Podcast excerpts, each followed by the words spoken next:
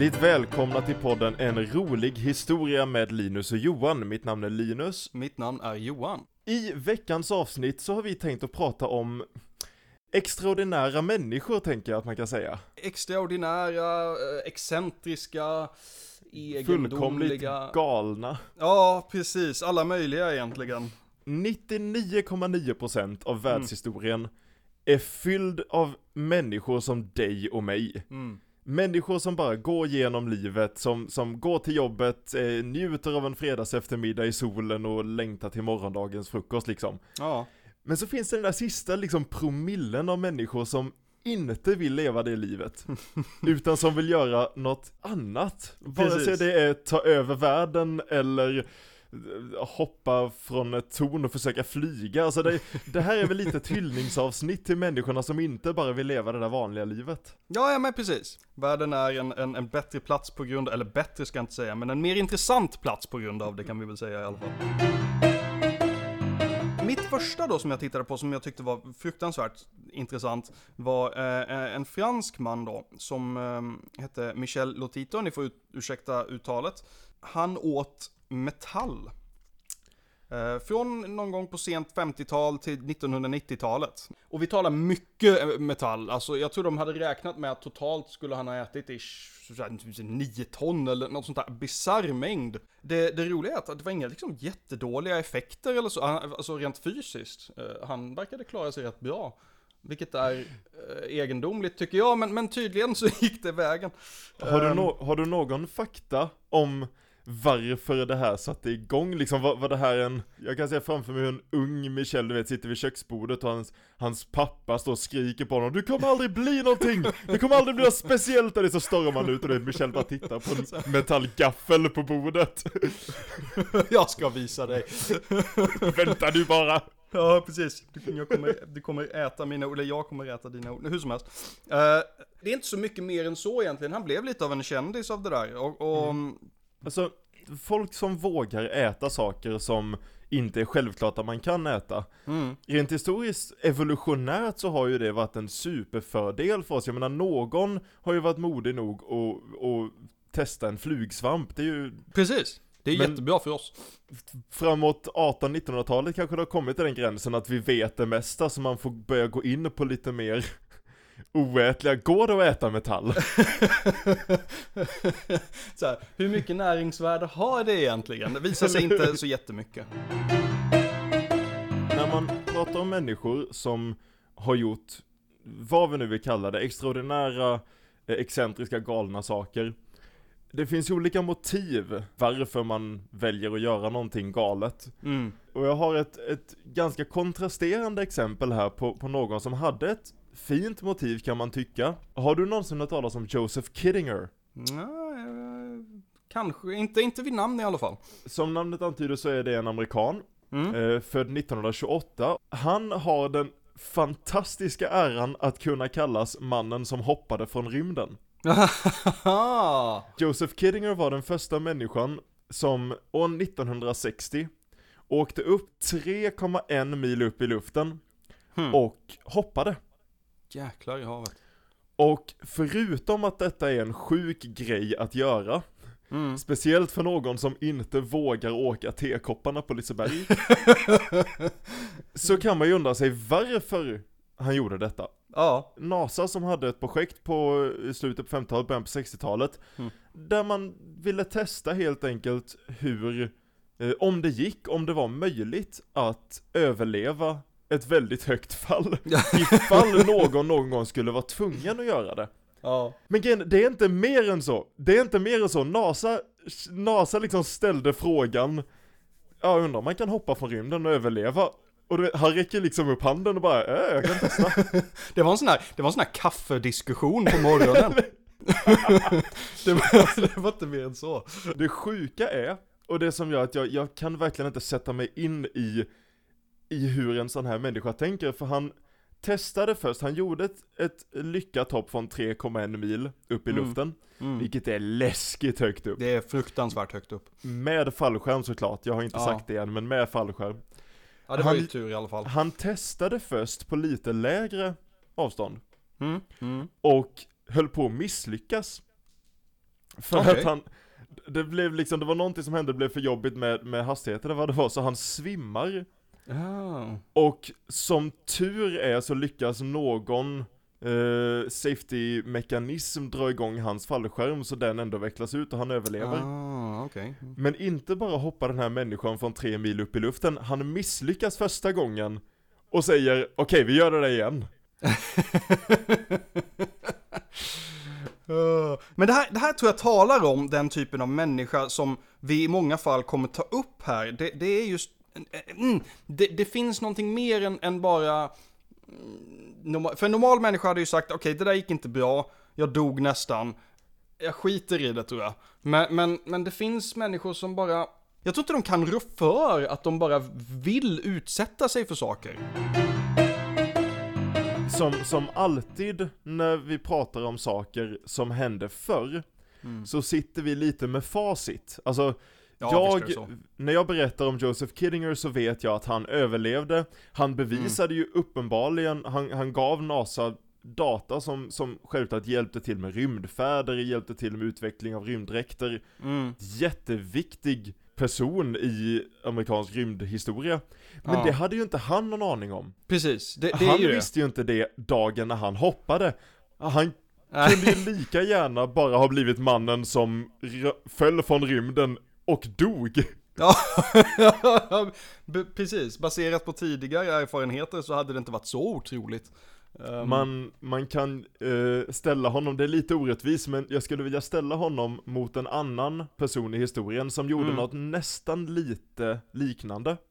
Ja. I början på 1900-talet så fanns det en österrikisk-fransk man som Mm. hette Franz Reichelt, Okej. eh, en skräddare. Frans var också mycket för det här eh, flygning och, och den utvecklingen, det var väl, och när var första flygningen? 1903 va? Mm. Med Wright Brothers, det var precis efter det. Eh, och han fastnade på fallskärmar. Att han ville vara med och utveckla också tanken om någon skulle behöva hoppa ut från ett flygplan. Ja. Och han gjorde en fallskärmskonstruktion som var liksom en, en kostym. Så du hade på dig en dräkt och hela din dräkt var fallskärmen. Ah. Och han hade testat, han testade den här från typ 5-10 meters höjd flera gånger med typ dummies med dockor. Mm. Och eh, misslyckades nästan alla gånger. Okej. Hans reaktion, hans slutsats på det var att ja men vi måste testa mycket högre upp. Okej. Han befinner sig i Frankrike, Paris till och med. Vad är bättre än Eiffeltornet? Ingenting alls är bättre än Eiffeltornet. Eh, och vad är bättre för vetenskapens skull än att bara kasta ut en docka med en fallskärm på? Ah, en levande människa. Såklart. eh, och det finns faktiskt, när han, han Mm. filmade när han gjorde det här hoppet för att testa sin fallskärmskostym. Ah. Hur han åker upp i Eiffeltornet, ställer sig vid kanten, hoppar ut, och den utvecklas inte. Ah, Så han ramlar ner och dör. det är klart han gör. Och grejen är att tills han hoppar, så är ju han och Joseph Kiddinger egentligen i precis samma position. Mm, mm. Men en av dem skrivs in i historieböckerna för att han, ly- han råkar lyckas med sin grej. Och den andra som i och för sig var dum nog att ta på sig ett täcke och hoppa från Eiffeltornet lyckas inte med sin grej. Och det, är liksom, idag vet vi hur historieskrivningen gick, men i sekunden när de gör det så är båda liksom lika extraordinära känner jag. Det, det är sant, det är sant. Och det är nästan tragiskt där hur man så lätt kan gå från hjälte till skämt. För som sagt, Eller nu, hur? nu skrattar vi åt det. Jag får lite dåligt samvete att skratta åt det, för det är ju jättehemskt när någon hoppar från Eiffeltornet och dör. Det, det är inget kul. Men, men det, samtidigt så det är det här, det blir så absurt som du, så, att, när man tänker på det. Men samtidigt är det mindre absurt än att hoppa från rymden. Egentligen inte. Nej, alltså han som hoppade från rymden, han är ju, han är ju en hjälte idag för att han lyckades. Ja. Men hade han inte lyckats, då hade han ju skrivits in i historien troligtvis som lika absurd som Reichelt som hoppade från Eiffeltornet. Ja, ja, ja. Vi- Visst är det så, visst är det så. Och det, det är lite tragiskt egentligen, för allt det här är ju egentligen, vi lärde oss ju säkert hur mycket som helst av det här misslyckade försöket. Det, det, det är ju ingenting som man lär sig så mycket av som att misslyckas med saker. Tyvärr så dog han, kanske skulle testat med en docka först, jag vet inte. Men Right. viljan att, eh, att eh, göra det var så stark att, nej men han, han, han var övertygad att det skulle funka helt enkelt. Och det, det får man väl ge honom. Det, det är inte som intressant med de här dock är att de här människorna gör ju trots allt saker av en anledning. De, de vill, eh, de vill främja eh, utveckling av saker och ting. Mhm. Eh, Och det får man ändå se som, det är, ganska, det, är, det är ganska viktiga saker trots att eh, det kan gå på röven. Sen finns det ju sådana människor som eh, bara gör saker för att, på något vis. Vi har, vi har exemplen på sådana här människor som, som går över um, vajrar, du vet. Eh, Ja. det, finns, det kom ut en film för ett tag sedan som heter Man on Wire med, eh, ja, vad heter han? Jag vet inte. Men det, det, det var, Joseph Gordon-Levitt va? Just det, just ja. Och det är baserat på en fransk person då som heter Philippe Petit.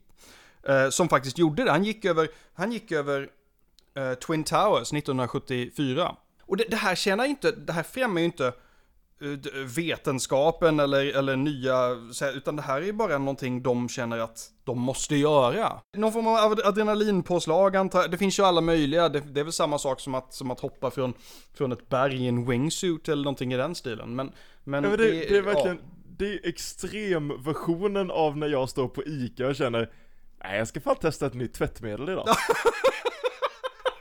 Ja jag känner, jag känner mig lite, li, li, lite busig sådär jag, Nej Nu jävlar, man lever bara en gång Ja, precis. Det är ju den tanken fast i världens extremversioner liksom ja, men, jag, jag tror att jag kan gå emellan de, de två tonen Heter det inte det Sagan om ringen? Jag tror jag kan gå igen emellan World Trade Center-tonen Ja. Så, så fuck it, jag tänker göra det ja, men precis. Precis. Någonstans så förstår jag, alltså det är lite det här känslan av att, du vet när man har en gnagande känsla av att jag, mm, jag måste göra det här. Det, man får ju dem ibland. Och, eh, ant- jag måste köpa det här, eller jag måste, jag måste uppleva det här, eller vad det än är. Och jag tror, jag tror det kan vara någon slags kanske extremversion av det här, jag, jag måste göra det här. Det, här, det Ja. bara är så. Vi ska ju inte sticka under stolen med att det är ju inte människorna Det är ju inte historiens Linus och Johan som har gjort att vi är där vi är idag Nej. Det är ju människorna som, som har haft det här drivet, som, som säger nej men det här går kanske att göra så jag måste göra det. Mm. Vissa lyckas, andra lyckas inte, men det är ju de människorna till stor del som har gett världen en push framåt liksom. Ja, ja, ja, herregud. Och det är ju, det är ju inom alla fält egentligen, vad det än handlar om. Och det, Oh, ja. det, kan, det kan handla om någonting så enkelt som att viga sitt liv åt ett, ett eh, ämne till exempel. Säg att man är man har varit ingenjör så och så länge och kommer på värsta innovationen eller vad som helst liksom. Och det, det, det kan antingen vara, det, det kan vara lika betydelsefullt som att eh, Alexander den stora erövrade perseriket liksom. Det, det behöver inte vara, båda har en utvecklingspotential som skapar världen vi kommer att leva i på något vis. Och det är lite fint. Så, sen är det kanske inte riktigt lika kul att tänka att det är inte jag. Men samtidigt, alla har vi en roll att spela på något sätt. Hur skulle, ja men tänk dig Johan, hur skulle en Hollywoodfilm se ut utan alla statister i bakgrunden? Så, sant! Ja, gud, det här ämnet Vi, vi behövs i bakgrunden på något sätt, vi måste vara de här människorna som går och köper kaffe bakom huvudpersonerna, Snegla lite nyfiket sådär.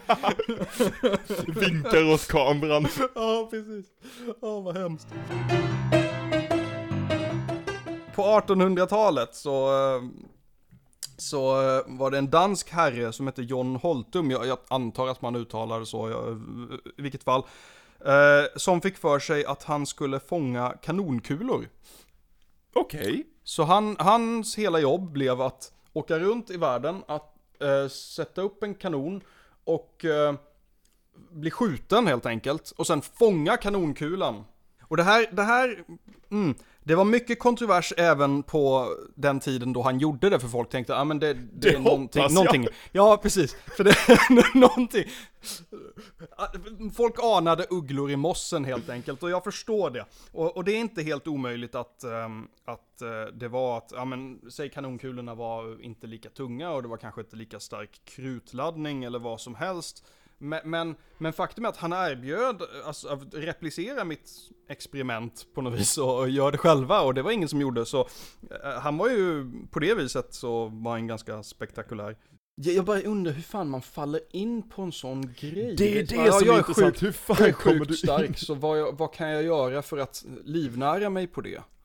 Då är ju inte fånga kanonkulor det första som kommer i- Nej. upp i mitt huvud, men Det- det, är ju det kul ju- att det gjorde det för honom. Det finns ju två alternativ, antingen så var det fake och han hittade på något, något i, in, häftigt sätt att göra det här, vilket jag inte egentligen Ja, tycker ja. tar ifrån hur coolt det är. Nej, Faktumet är är ändå att han gjorde det. Antingen hände ju det, eller så var han någon typ av militär som var med i något slag, fick en kanonkula i magen och tänkte hej! Ja, precis. Åh, det där kan jag göra igen.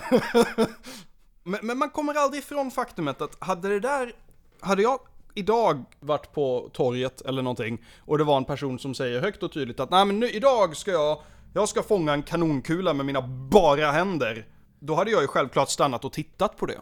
Man får ju aldrig göra det misstaget och tro att människor förr i tiden var annorlunda från oss idag. Det här är ju Mm. vår vardag idag, det är ju bara att det finns på YouTube idag. Ja, ja precis, precis. Vi, vi har ju inte ändrats, vi vill ju fortfarande se människor som fångar kanonkulor med händerna. Ja, ja! Vi som människor älskar ju spektakel. Och det är, ju, Ja, ja, ja. det är väl lite det som kanske driver det här framåt på något vis. Någonting jag kan undra över är om, om alla olika typer av extraordinära människor i grund och botten har samma driv. För att du nämnde, du nämnde Alexander den store förut. Mm, mm. Och han tycker jag också är ett bra exempel på en väldigt extraordinär människa som har haft väldigt tur i historieskrivningen. För där har vi ju en, igen, igen bara en vanlig människa, i grund och botten troligtvis kött och blod, som också fick en Mm. idé. Och det var inte jag ska fånga kanonkulor med händerna, det var jag ska ta över världen. Precis. Och, och visst, den idén har jag också haft. Det hade ju varit kul. Men ja. sen inser jag ju att jag bara är en statist i världshistorien och Precis. fortsätter dricka mitt kaffe, men han bara, nej men då gör jag väl det. Ja, men exakt. och, och så exakt. tog han över en stor del av vad den världen man i alla fall kände till 300 år före vår tideräkning. Ja, verkligen. Och erövrade eh, Perserriket och eh, stora delar av Indien och, och det, Eller hur? det var helt bisarrt hur mycket han tog över. Och jag undrar om det är samma driv i grund och botten som fick Philip Petit att gå över eh, World Trade Center på en lina, Mm. där bara, jag måste göra det här. Jag tror det kan finnas en koppling där. Och, och det, jag tror att det, det är nog liknande typ av människa, men med väldigt olika bakgrund och olika eh, typer av driv helt enkelt. För att Ja. eh, vi har Alexander den store, han, han, han hade han var, ju, han var ju ganska självgod kan man väl säga, men han hade, han, han hade en bild av vem han ville vara på något vis. Det finns en, en, en, ett driv att man, man vill bygga en, en version av sig själv som kommer bestå så att säga. Eh, och det, det, jag tror det kan krävas, krävas en hel del självgodhet för att uppnå det. Men, men Oh ja. Eh, lik förbannat, jag tror att det finns Och sen kan det finnas olika typer av driv också. Vissa människor kanske bara faller in i det och sen råkar de vara spektakulära individer på något vis. Men oavsett vilket driv du har så har du rätt i att du måste ju ha den här känslan av att jag kommer fixa detta. Ja, ja. Det finns ett jättefint citat från musikalen Hamilton. Du får inte bestämma vem som skriver din historia. Nej, precis. Det var därför lite jag sa att Alexander den store har haft tur, för att när man går in och, och läser i detalj om vem Alexander den store var så jag får lite Joffrey-känslor från Game of Thrones. Ja, men visst är det så? Det, det är visst lite är en så? självgod tonåring som går ut med en stor armé, slaktar allt Ja. som kommer i hans väg och tar över halva världen. Precis. Men Så- idag när du pratar om Alexander den store så är det, det är ju en hjältestatus han har idag. Det är ju det, och det är inte riktigt förtjänat alls. Det som är förtjänat för honom, det är att han var exceptionellt duktig på fältslag. Oh ja. Och att på leda härer och så vidare. Det var, det var han otroligt bra på. Men han var inte en så fruktansvärt sympatisk människa. Men han var extraordinär. Han var extraordinär och det är lite det här, människor vill vara, jag tror alla människor, de flesta i alla fall, vill vara speciella och unika. Men, men när de, alltså han försattes ju i ganska extraordinära omständigheter och det är må- vissa människor som är väldigt kända försätts ju i extraordinära omständigheter. Men jag tror när de omständigheterna inte existerar eller inte riktigt finns på det viset, då måste man, om man är en, vill, verkligen vill någonting, då skapar man sina egna omständigheter så att säga. Ja. Och sina egna förutsättningar. Och jag tror att det är lite därför den här typen av människor ofta Eh, existerar. Ja, men varför de går eh, på vajrar över uh, Twin Towers och Niagarafallen eller fångar kanonkulor med sina bara händer. Sen finns det naturligtvis den andra sidan av det också. Där det helt, helt enkelt är en fråga om att Shit, vi har ett skolprojekt att göra och jag har ingen aning vad vi ska ha, vad, jag har ingen aning vad vi ska göra för någonting. Okej, bra. Vi, vi, vi är vakna i över 11 dagar. Och sen eh, slår man världsrekord. Det här hände då Randy Gardner 1964 för övrigt, som eh, också är en av mina individer jag tänkte ta upp. Jag vet inte vad jag tycker om att han vann första pris på den. Nej, Nu vill jag i och för sig, i min hjärna så utspelar sig detta, jag ser honom du vet stå lite såhär sömndrucken Högst upp på pallen och få en sån där första prismedalj. Och bredvid honom står Philippe Petit med sin vajer och ser lite sur ut. Och sen står Alexander den store Som har som skolprojekt tagit över världen Bara, Hur fan kunde jag få tredje pris? jag, jag slog så jag krossade pesselriket Han var vaken i elva dagar Hur fan? hur gick det till? Eh, En annan person jag tyckte var väldigt fascinerande var mm, eh, en indisk herre som hette, nu ska vi se, nu kommer jag slakta det här namnet naturligtvis, men Dashra Manji. Han bodde i en jätte otillgänglig by kan man säga i Indien. Uh, Gelaur heter den. Och han, eh, hans fru blev väl sjuk på något vis och eh, hon dog för att det var för långt eh, att färdas till sjukhuset, eh, eller civilisation då och så vidare, från den här byn. Och eh, han blev förstås väldigt upprörd över det och vad han bestämde sig för då är att okej, då, då minskar jag avståndet så att ingen annan behöver utsättas för det här. Så han gräver själv mellan 1960-talet och 1980-talet, under 22 år, gräver han en väg genom berget. Så att han minskade avståndet med helt absurt mycket, det gick från typ 80 km till 3 eller något sånt där. Eh, bara för att folk skulle kunna mm, komma till civilisationen mer lättillgängligt. Och han gjorde det här med en hammare och en, en kil typ. Det där gillar jag, för det där är, Det- igen, hur? en grundläggande kraft att jag måste göra det här Och så Mm. fokuserar du det på något som är så jäkla viktigt i din värld Ja. Jag är, Och det, ja, det är så fint på något vis. Jag, ja, det jag, är jag sjukt tyckte- fint Det- Jag blev väldigt impad av den där typen av engagemang. Det här är inte ett, att han vill ha uppmärksamhet tror jag, eller, eller på något sånt, utan han vill bara göra världen lite bättre. De här människorna visar ju, vare sig det de gör är positivt eller negativt, om det, om det motiveras av att du vill rädda någon eller att du bara måste göra någonting. Mm. De, de visar vad människor är kapabla till, ofta. Ja, precis. Jag är, just, jag är ju statisten i alla de här berättelserna, men Mm. människorna som gör det är egentligen inte så annorlunda från mig. Alltså allt som egentligen skiljer tror jag är en liten, liten, nej, nu, nu, nu gör jag det här. Ja, precis. Det, det kan man nästan, det, det skulle jag nästan vilja lämna med då, för jag, jag tror att man kan göra sådana här saker i sin, i sin vardag, det måste inte vara, och jag, jag vill inte att alla som hör detta ska gå ut och ta över världen. Nej, det hoppas jag inte. Det Men hoppas jag verkligen inte, men, men samtidigt. Det, kan, kanske kan vi inspirera någon att faktiskt välja det där ekologiska tvättmedlet nästa gång.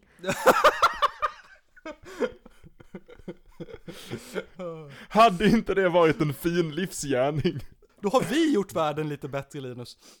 Det finns så många kategorier i det här eh, ämnet så att säga med olika typer av människor som är extraordinära på ett eller annat sätt. Det kan finnas så många eh, exempel som, som folk säkert kommer bli sura på oss för att vi inte har tagit upp. eh, ehm, men det är ju det, det finns så många människor som är extraordinära och det är lite det som är så häftigt med det.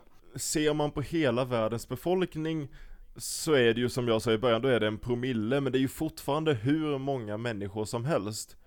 Mm. Och för att gå ifrån humorn bara en sekund, alla ska ju inte, all, alla ska inte ta över världen, alla ska inte fånga kanonkulor, vissa gör extraordinära saker, alltså så, som är i mycket mindre skala men som är lika extraordinära, som kräver lika stort engagemang. Bara Mm. det här att folk viger sitt liv åt saker. Precis. Det är lite det som är eh, så fascinerande när man tittar på de här sakerna. Och det finns så många exempel på det. Och- Och det, ibland handlar det ju om talang, bara rakt av. Att, ja men ta, ta typ Mozart eller Beethoven, de, de, de var tvungna att komposera, det var, det var musik, det var det de gjorde. Men ibland så handlar det nog bara om engagemang, snarare. Ja, och inte ge upp när det blir för svårt. Precis. Kära lyssnare, ni kan ta över världen. Mm. Men gör inte det. Det, nej, det, jag lever i den, jag vill fan, inte. fantastisk avslutning på, på avsnittet. Du som lyssnar på detta, du kan ta över världen. Gör det inte.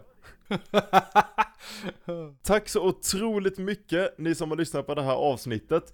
Eh, intro och outro-musiken kommer från låten Wagon Wheel av Kevin MacLeod. Ha det underbart bra, ta inte över världen, så syns vi i framtiden. Jajamän. Hej då. Hej då.